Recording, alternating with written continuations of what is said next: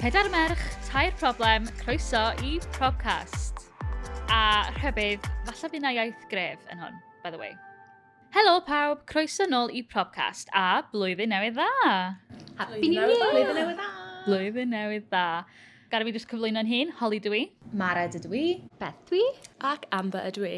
Ym mhob penod bydd un ohono ni yn cyflwyno thema i'r tair arall, a bydd rhaid iddyn nhw dewis eu problem mwyaf nhw am y thema yma. Bydd pawb yn cyflwyno i achos i'r cadeirydd, y fi, a'r ffordd gweitha sy'n ennill. Reit, mae'n blwyddyn newydd ac fel maen nhw'n deud, new year, new me. Felly, ein thema tro yma ydy y blwyddyn newydd, a falle hynna'n delwedd, you know, this new year, new me, mm. a sut mae hynny'n effeithio arno ni, dechrau mm. blwyddyn, mae lot o diets, lot o fads mm. yn mynd o gwmpas. Ah, mm -hmm. Lot o gwella dy hun. Ie. Yeah. Mm y blwyddyn newydd yn adeg really neis, achos fydda ti'n dechrau blwyddyn newydd, start from scratch, ond wedyn, mae yna lot o bwysau hefyd i prynu mewn i fatha newid y delwedd, new look, yeah. new yeah. kind of new personality falle, dwi'n yeah. gwybod. Yeah, new goals. Yeah. Yeah, as if ti di indulge o gormod dros yn odolig, neu am rhyw reswm o hwnna'n peth gwael. Yeah. yeah. A wedyn mae rhaid i ti fod yn well yn y flwyddyn newydd. A mae, I don't know, mae fe jyst yn teimlo'n really fel ffordd rili really negyddol o ddechrau'r flwyddyn. Mm. Yeah. Yeah. Cos ti'n rhoi gormod o pressure dy hun, ti'n inevitably mynd i ffeili, achos os o ti'n mynd i fod yn wahanol, bydde ti'n wahanol erbyn yeah. nawr. Yeah. yeah. ti'n just mynd i ffeili at yma'n wath. Yeah. Ond mae fatha bod nhw i gyd yn centred, fatha dwi'n meddwl bod fi rioed wedi gweld New Year's Resolution sydd ddim yn centred around fel diet neu mynd i mm. gym. Mm, yeah. Fatha, mae nhw gyd just dros y ffordd mae nhw'n edrych, a fatha yeah. eisiau colli pwysau bob tro. Yeah. A wedyn, yeah. mae pasg yn dod rownd. Yeah. Yeah. Bwyta eto. Loads o chocolate. Yeah. a wedyn ti'n teimlo'n drwg am dy hun hefyd, ac ti'n paratoi gyfer yr ha yeah. i gael y summer yeah. body. Oh, yeah. Yeah. It's just never ending. Mae ma yna bwysau, dwi'n meddwl, drwy'r gydol flwyddyn, i edrych ffordd fydda penodol. Yeah. Oh, yeah. I, I golli pwysau, i edrych yn denau, neu mm. i edrych mewn ffordd ffit. Yeah. yeah. Dwi'n casau blwyddyn newydd, achos dwi'n dwi, dwi, dwi merch mawr, I'm plus size, sgynna ddim probs am hynna o gwbl fy hun, Ond mae ma wastad mor shitty bob blwyddyn rhywun yn gofyn i fi, o, oh, ti'n mynd ar ddiet? O, oh, allan ddim bita yna. Ie, ie. ddim. Ie, oh my god, wow. nes i dyfu fyny efo almond mum. Oh, yeah, gosh. Na. Mae rhaid ti esbonio, beth yw almond mum? So, mae'r y syniad yma, yn y 90au, oedd hwnna'n llawn fads diet culture to the max, fydd y heroin chic, right? right. Ac oedd mam fi, a falle mama chi hefyd, dwi'n gwybod, wedi tyfu fyny neu wedi fatha eiddfedu yn ystod y 90au, lle oedd hwn yn gwynebau nhw i gyd. Mm. Ar y magazines, ar y teledu, edrych yn rili really denau. Mm. Pobl yn cael ei fat shame o. Mm. mm. A'r syniad o almond mam rwan ydy, obviously, maen nhw falle yn, yn hun, falle canol oed, rwan, ond maen nhw dal efo'r meddylfryd yma bod mm. rhaid nhw golli pwysau. Right. So o'n i'n tyfu fyny wedyn efo gweld mam yn edrych yn y drych, yn edrych ar ei hun dweud, oh, I'm so fat, neu I need to lose weight, oh, I shouldn't yeah. eat this, I've been so bad ar ôl yeah. bwyta darn o siocled. A mam fi hefyd fel, os oedd mam ti fel hyn, os oedd hi'n gorfod trio dillad dan, ond i gyd yn gwybod pan mae'r fel fickle yw sizes. Oh, high street. Oh, yeah. Like, oh, yeah. mae gen i pethau o size 8 i size 12 yn wardrobe fi. Yeah. And probably more. Oh, like, yeah. Just yeah. unbelievable. I am, there's no way mae un person yn gallu bod o sizes yna i gyd. Na. Na. Ond bydde mam fi yn trio rhywbeth arno, ac os oedd hi'n gorfod cael seis yn fwy, bydde hi ddim yn neud e. Yeah. Bydde hi ddim yn trio'r thing yna arno a fodlon prynu hwnna. Chos fel, no, I will not be that size. Mae'n mor stress. Yeah, they'll spiral a wedyn teimlo'n awful am ei hunain. A fel arfer, be oh bynnag oedd hi'n bwyta, o'n i'n gofod bwyta fe hefyd. Right. O'n i yn kind of chunky yn tyfu fyny, o gennau bach o extra fluff yeah. arna fi. The way you're made. Way, yeah. way you're made. Yeah.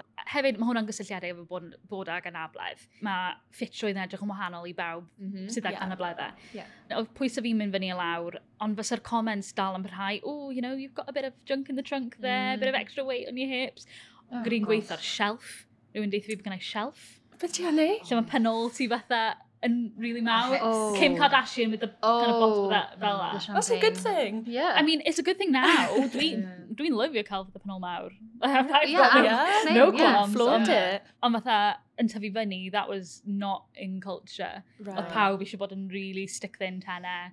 Oedd mam fi ar, arfer dweud, no, you're not fat, you've just got big bones. Oh, oh yeah, the big bones. big bones, yeah. Yeah, yeah, yeah. Oh, yeah, that's the thing. Yeah, dwi'n teimlo lot yn well nawr, diolch. Mm. Oh yeah, I live with my massive bones. yeah.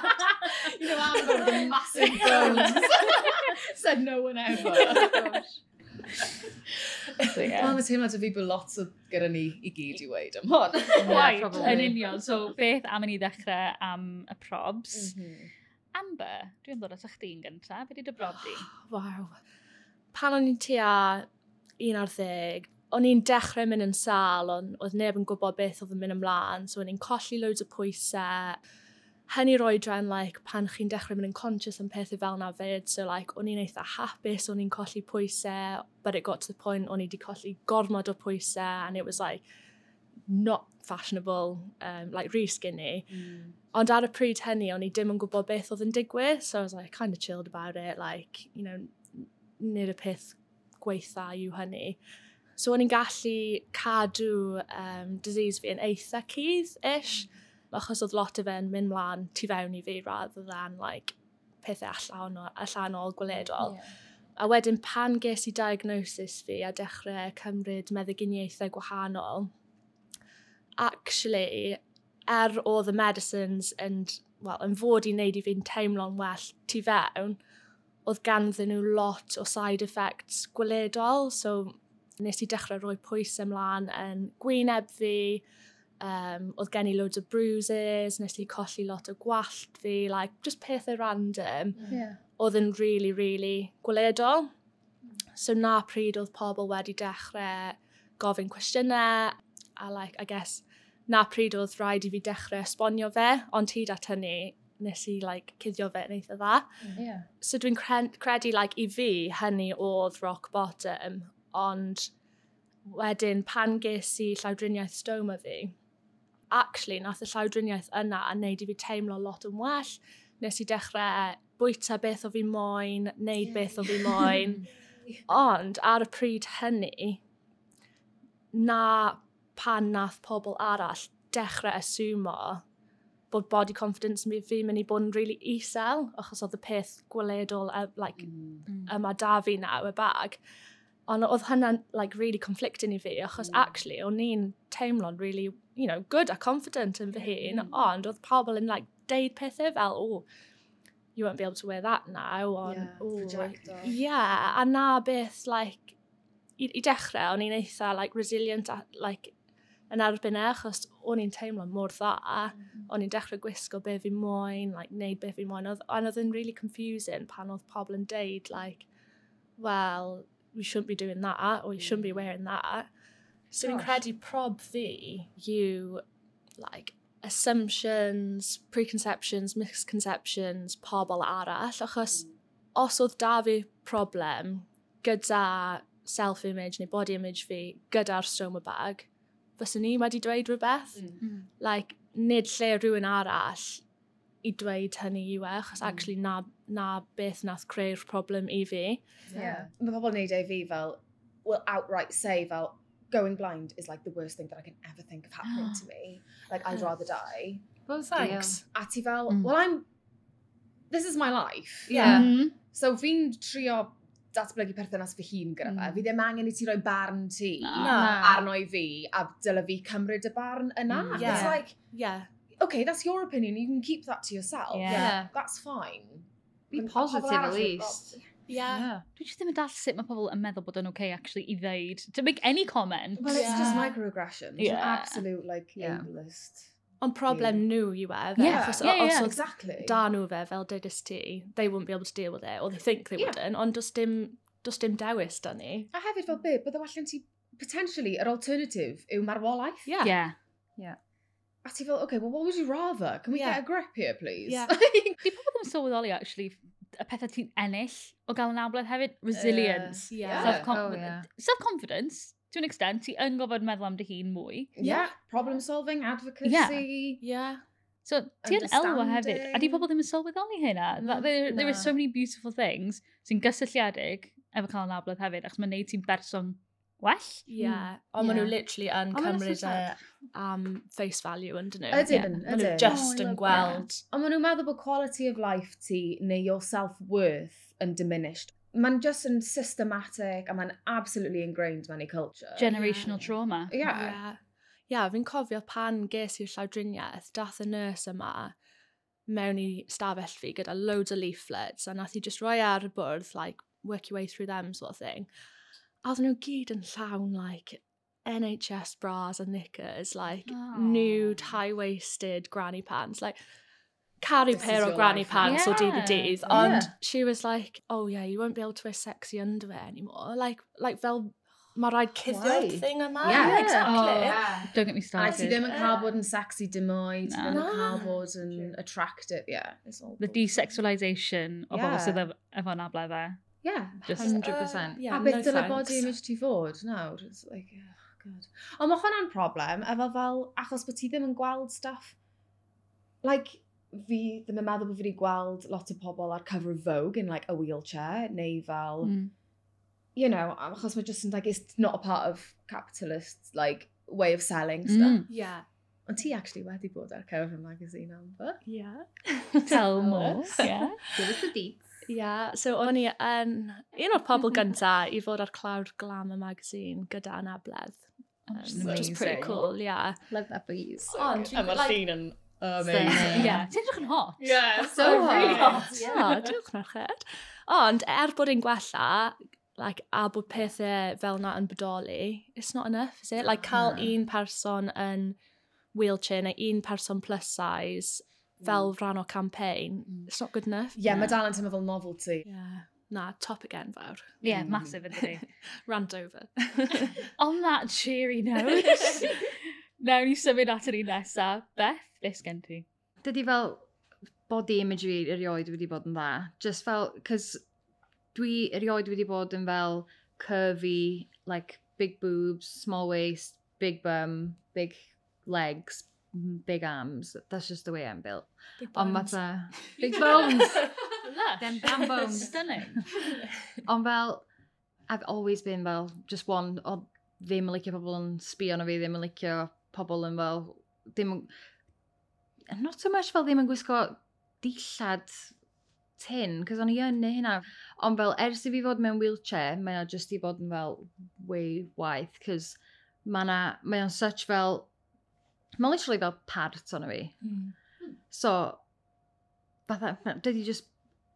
Dwi'n mwyn i'n dweud, sorry, dwi'n mwyn gwybod dwi'n dweud. Oh. Pobl yn gweld y cadar yn lle ti, ti'n meddwl. Exactly. Yeah. Yeah. Ond hefyd ti wedi mynd trwy shift yn bywyd ti, fel o ti ddim mewn cadar olyn, a nawr ti mewn cadar olyn, mm, a ti'n yeah. defnyddio un, a mae hwnna wedi, fel ti'n gweud, mae'n rhan ohono ti, mm. so it's a part of your image. Yeah. Yeah. Ond fatha, mae pobl jyst yn sbio na chi yn totally wahanol. Mm. So dim just y ffordd dwi'n gweld fy hun, ond mae pobl yn mm. sbio ar y, fatha ti'n dweud, y wheelchair mm. rather than me. Mm. A fatha mae hmm. chwiorydd fi, maen nhw'n gael yn so annoyed, because fatha pen ni'n cered yn y stryd, mae pobl just yn sendio i fel fatha, just sbio fyny lawr, sort of thing. A dwi'n kind of dallt o, cos dwi'n meddwl fatha, oh, they're surely they're just curious, like mm. they're hmm. just looking at the chair, sort of thing. Mm. Ond maen nhw fatha'n gael yn really fel, fel blin. Mae'n yeah. why are you looking at her fatha Jerry Evils and all, i nhw falle. Ond dwi'n meddwl bod fatha, obviously, lot of curiosity hefyd amdan just in general, cos dwi'n cofio pan nes i fynd i Australia am brain surgery, do'na ddim un wheelchair. Nes i ddim gweld dim un wheelchair yn Australia. Wow. Which is crazy, cos o'n i wedi bod fatha yn y shopping centre, nath ni fynd i Bondi Beach, Sydney Harbour Bridge, not one wheelchair. Yeah. Wel, yn anffodus, mae pobl efo anableddau dal ddim ni ddim yn gweld nhw yn our society. Yeah. Like, ni ddim yn gweld nhw ar y sgrin, ni ddim yn gweld nhw mewn magazines, yeah. ni ddim yn gweld nhw mewn ffilms, mm. ni ddim yn gweld nhw. A hefyd, mae cenhedlaeth ni ddim o'r lwcus yn ni'n quite sylweddoli, achos os o'n i wedi cael fy geni fel in the 70s, mm. byddwn ni wedi cael fy anfon off i ysgol arbennig, falle bod y mm. teulu fi wedi rhoi fi lan am oh adoption, like, yeah. a byddwn ni ddim wedi cael addysg o gwbl mae, like, pobl efo anableddau, like, mae yna rheswm pam yeah. un ni ddim yn siarad Cymraeg a pam ni ddim yn cael ein gweld just literally ar y stryd mm. yeah. because we've been kept away. Mm. Dwi'n gwybod amdano ti fyd, ond pan ges i llawdriniaeth olaf fi, o fi yn cadw rolwyn am beth i mis neu ddau just achos o'n i'n mor weak. Mm. Ond o'n i'n gallu neud like, cwpl o steps i'r cadar, yeah, yeah. wedyn mynd yn y cadar rownd y shops neu whatever. A mae pobl yn edrych arno ti fel bod ti'n like, bach o ffrod almost, achos mm. Mae'r anabledd yn eitha... Ie, like mae'r anabledd yn eitha cyd. Like, ti ddim yn yeah. edrych yn anabl, whatever anabl yeah. looks like. Exactly, yeah. yeah. Di pobl just, fatha, just cos ti'n gwisgo fatha fashionable clothes neu whatever, yeah. Mm. like keeping up with the trends, maen nhw fatha, well, surely you shouldn't be in a wheelchair. Yeah. yeah. Syniad braidd ti'n gwisgo fatha really baggy sweatshirts a fatha, mm -hmm. fatha really kind of Dwi'n mwyn gwybod yn sexy. Dwi'n teimlo fatha lot o'r outfits dwi eisiau gwisgo, fedra i ddim gwisgo, because dwi'n gorau meddwl fel, o, os dwi'n eista lawr, fel sydd mae'r outfit mae'n mynd i edrych, mm, fatha, yeah. sa even points exactly. gwisgo, fatha, mm. dwi'n mynd i mm. fod yn ffrempi ar y fi. Ond mae designers ddim yn meddwl am fel, na. how is this going to look sitting down, which yeah. dylen nhw anyway, because yeah. yeah. ni gyd yn gwario lot o amser ni'n eista lawr. Oh my god, yeah, like, dress gyda slit mawr neu rhywbeth. Exactly. It's awful when you're sitting down. Yeah. yeah. A i bobl fydd plus size, dwi'n gwybod os ydych chi wedi gweld the plus size ranges siopa, maen nhw'n awful. Maen nhw'n fatha, yn lle fatha really sexy, yeah. mae fatha... Caftans. Caftans, cut yeah. shoulders, yeah. print t-shirts. Yeah, yeah. yeah. Y pethau mwyaf yn sexy. Mm. Swn i'n mynd yeah. gwisgo pethau fel na o gwmpas y tŷ. Mm. Like moo-moos. Yeah. yeah. Literally. Just i gyddio bob dim. yeah. What? A, yeah. twice the price. Yeah, really? Yeah, pedwardeg pint. Easy am Cris. Na. Yeah. Yeah, yeah. Like your basic. Your basic t-shirt. Yeah, yeah. yeah. Why? Extra fabric. Oh, shut nah, up. And it's exactly. like, this is, and this is your fault that you're this size, so we're going to charge you more, probably, because yeah. that's how the world works. Yeah. A beth yw plus size? Do um, I mean? Man, man, yeah, on Pam, why is it called plus size? Exactly. Yeah, yeah. why is it not just the size? Yeah. Yeah. Like everyone. Yeah. Just, just make, make it, it bigger. Yeah it's fine. Mm. And smaller, and longer, and taller. Like, yeah, yeah, yeah. Ti'n cofio pan o'ch chi'n plentyn? This might just be me. On, on shop a Next, neu Next Catalog, a wrth i'r sizes man, mynd lan, sizes plant, oedd y cost yn mynd lan yeah. fyd. Oh, yeah. A oh, teimlo'n yeah. mor wael am bod yn like age 15 years pan o'ch chi'n 12. Yeah. Yeah. Cos it cost more. more expensive. yeah, oh my god. Yeah. Dwi'n cofio fi wedi siopa am ddillad ysgol pan o'n i dechrau ysgol uwchradd. Ac o'n i'n blwyddyn chwech. Ond o'n i, on i wedi developon eitha cynnar, so mm. o gennau hips a bob dim fel na. Ac o'n i methu ffeindio trysisa mewn sizes plant. Ac o'n i'n blentyn, o'n i yn ddeg, un ar ddeg oed. Mm. Ac o'n i'n mynd i'r women's section. A ti'n gwybod pa mor embarrassing? Mortifying, ie. Yeah. Mynd i'r women's section, lle mae fy merched yn ei 40 yn siop am mm, trwsusau yeah. un size at i. Ie, yeah. yeah. yeah, ond wedyn mae corff ti... Ti'n gwybod, os ti'n cael period ti pam ti'n un ar ddeg, wel mae corff ti'n mynd i newid. Ydy, mm. exactly. Yeah. Ond adeg yna, back yeah. then, 10 years ago... Ie, yeah, mae'n wir. Mm. Oedd hmm. pethau wahanol, oedd oh, delwedd oh, yeah. dal yn tabw. Yeah, cos mae Gray yn fel, he's a big kid in the sense of, fatha mae gen fo pen reit fawr. Mm fel rhywun di wneud comment rhywbeth fatha bod gen fo pen mawr. And she just did, oh yeah, that's just because you got big brains and you're clever. Ond fatha, because o hynna, dyn ni'n gorau gael fel says mwy i fatha mynd dros pen o, fatha jumpers ysgol o falle. A dwi wedi sylwi fatha, mae yna comments gen pobl fatha, even y teachers weithiau'n yn dweud fatha, oh, yn greu di hwn, fatha mae hwn yn age 6 to 7 a mae mond yn troi yn 5. A fatha dwi dda, yeah. So, like, so what? Mae'n dy enw ar y fo, it's great. Yeah. yeah. yeah. Pobl arall, again. yeah. yeah. On that cheery note eto. Dyn ni'n really blin heddiw. Mared. Helo. Dy prob ola. Fy mhrob.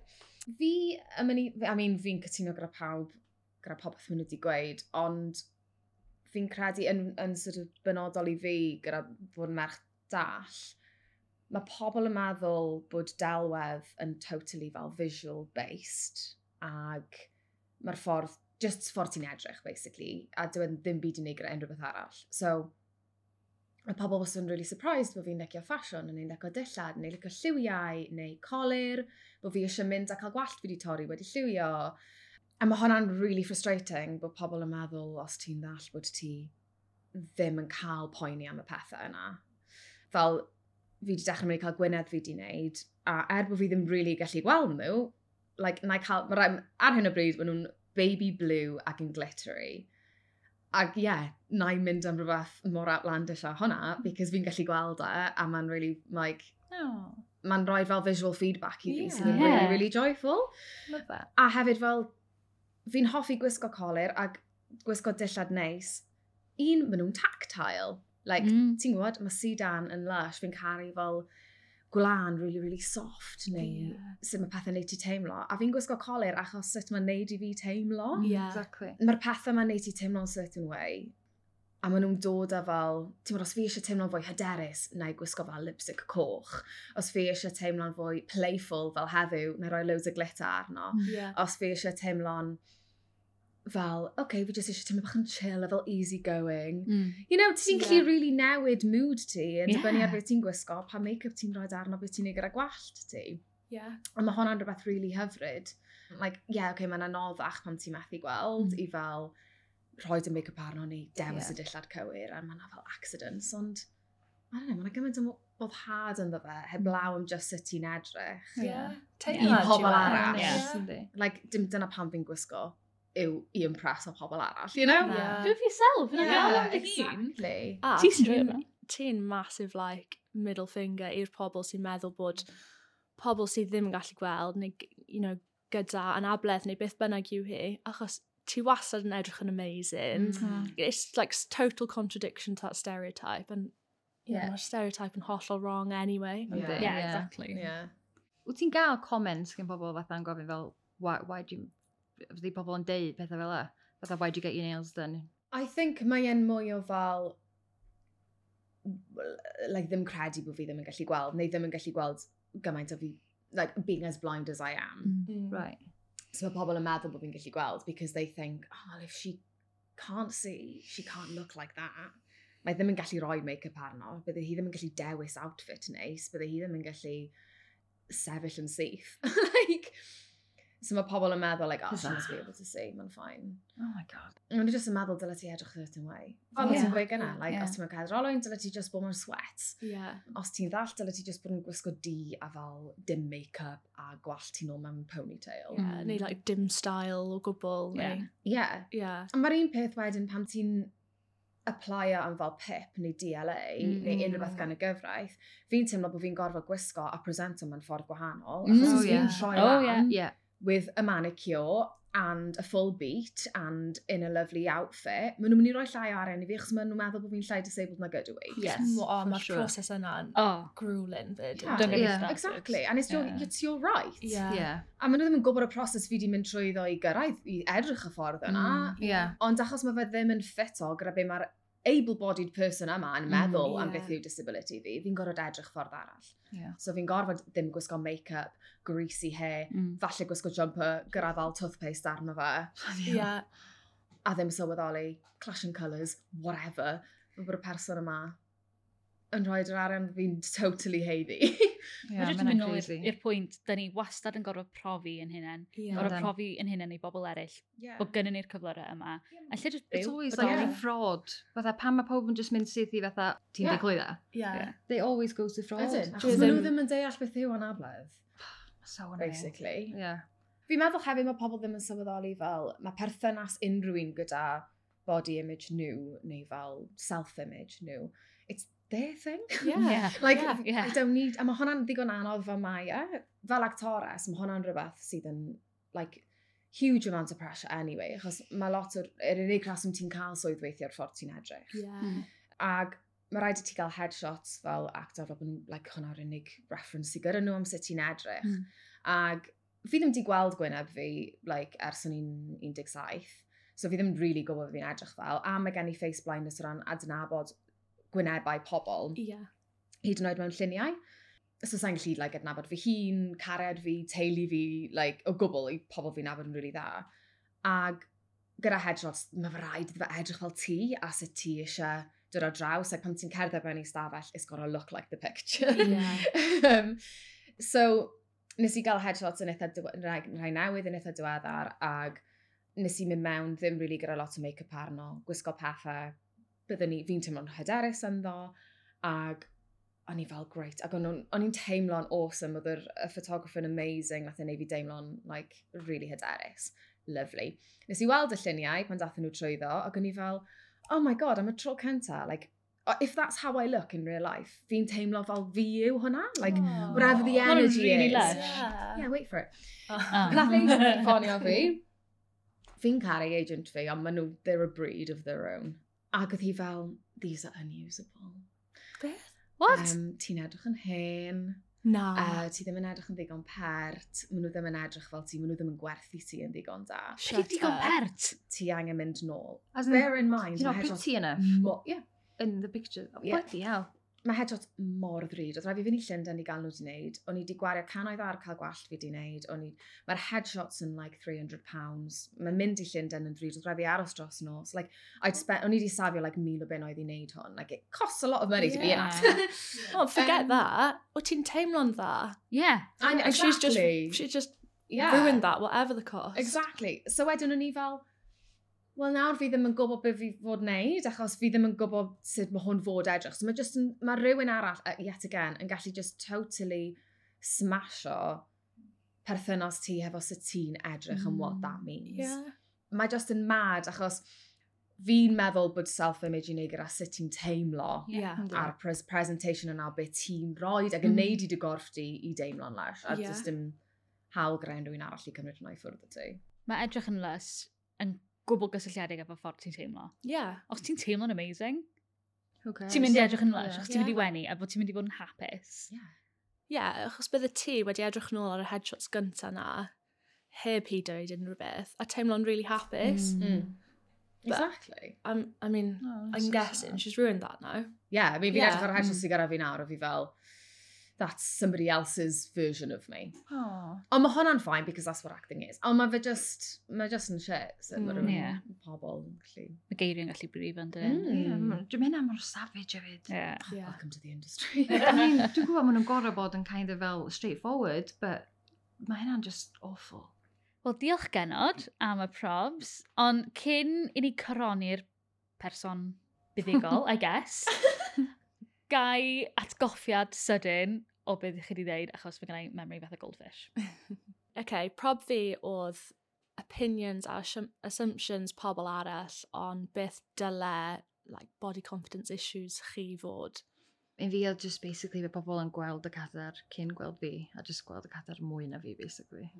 E, even though your outfit's fabulous. Oh my god. It, yeah. Thanks, babe. Prob fi oedd bod pobl yn aswmo os oes gen ti anabledd neu ddim yn gallu gweld bydde ti ddim hefo diddordeb mewn body image mm -hmm. neu self-image. Mm -hmm. um, ag it's about how you feel, mm -hmm. not mhm. just how you physically look. Da iawn. Mae'n so deep. Anodd, though. Yeah. Really deep. Achos fydda, dyn ni, dwi'n meddwl bod ni gyd yn profi rhai yn gilydd mewn mm. ffyrdd gwahanol. Mhm. Yeah. yeah. Ond dwi'n meddwl, yr un allan ni gyd yn ieithi i un amber, pobl yn projectio fatha disgwyliadau nhw. Mm anna ni o ran hmm. sut mm. ddylen ni fod. Yeah. Achos dyn ni'n eitha resilient, dyn ni, twod, mae gen ni eitha, twod, self-confidence hyder yn un hunain erbyn hyn, that's mm. fair to say. Yeah, dyn ni'n kind of gorau bod yn Dyn ni'n gorau bod, yeah. yeah. yeah.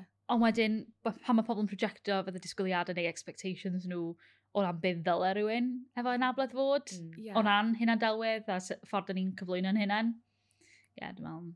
Yeah, er bod gan ni gyd, you know, confidence and, you know, ni'n lefel o hapus gyda'n hun, it doesn't mean that someone's opinion can't upset you neu mm, like yeah. tarwch chi nôl eto. Yeah, like, yeah. you know, dal, dal mae fe'n matro. Ydy. Ydy, for sure. Mae un comment rhywun yn gallu aros efo chdi am fydda misoedd. Mm. A dyna gyd ti'n fixeitio arno fo. Mm yeah. Yn enwedig fi'n credu, mae hwnna'n digwydd i lot o bobl. Ti'n bod, mae ma fe'n eitha universal general thing os mae yeah. rhywun yn gweud ti'n dew a ti'n sensitif am hwnna, mae hwnna'n mynd i frifo, whatever, whatever. Yeah. Ond pan mae rhywun yn gweud am anabledd ti, rhywbeth ti sydd un o'n rili really rhan mawr o pwy wyt ti fel person, mm. ond hefyd yn rhywbeth ti ddim yn gallu newid yeah. os o ti moyn, mae hwnna'n like, I don't know. Just with a dagger, dagger in the stomach. Yeah, dim oedd fy moyn awyd ond os o ti'n no. rhywun o ddyn. Yeah. You know. Fydda halen yn y brew yn dydi. Yeah. Er bod o ddim yn brew. Dwi'n teimlo bod fel yr holl beth yma i just ranto am pobl arall. Yeah. just get rid of everyone. Yeah. it's, other, it's other people's problems. Yeah. Problem yeah. pobl yeah. eraill dyn nhw, nid yeah. problem yeah. ni. A di pobl just ddim yn meddwl cyn bod nhw'n deud pethau. Yeah. Mm. Mae just, they just say whatever. A yeah. wedyn, dyn nhw'n mynd i fy meddwl amdano consequence o fe, maen nhw'n mm. dweud. Na. Beth. Ond fel mae RuPaul yn dweud, other people's opinion of me, uh, none of my business. Amen. I like that, yes. Good isn't it? Yeah. Go RuPaul. I know. Diolch eto i chi gyd am rannu eich probs, a diolch yn fawr i chi adra am rando ar ein probs ni. Cofiwch i dan ysgrifio ble bynnag chi'n hoffi gwrando ar podcasts, Byddwn ni'n ôl y tro nesaf gyda penod newydd i drafod rhyw a rhywioldeb. Mm. Mm.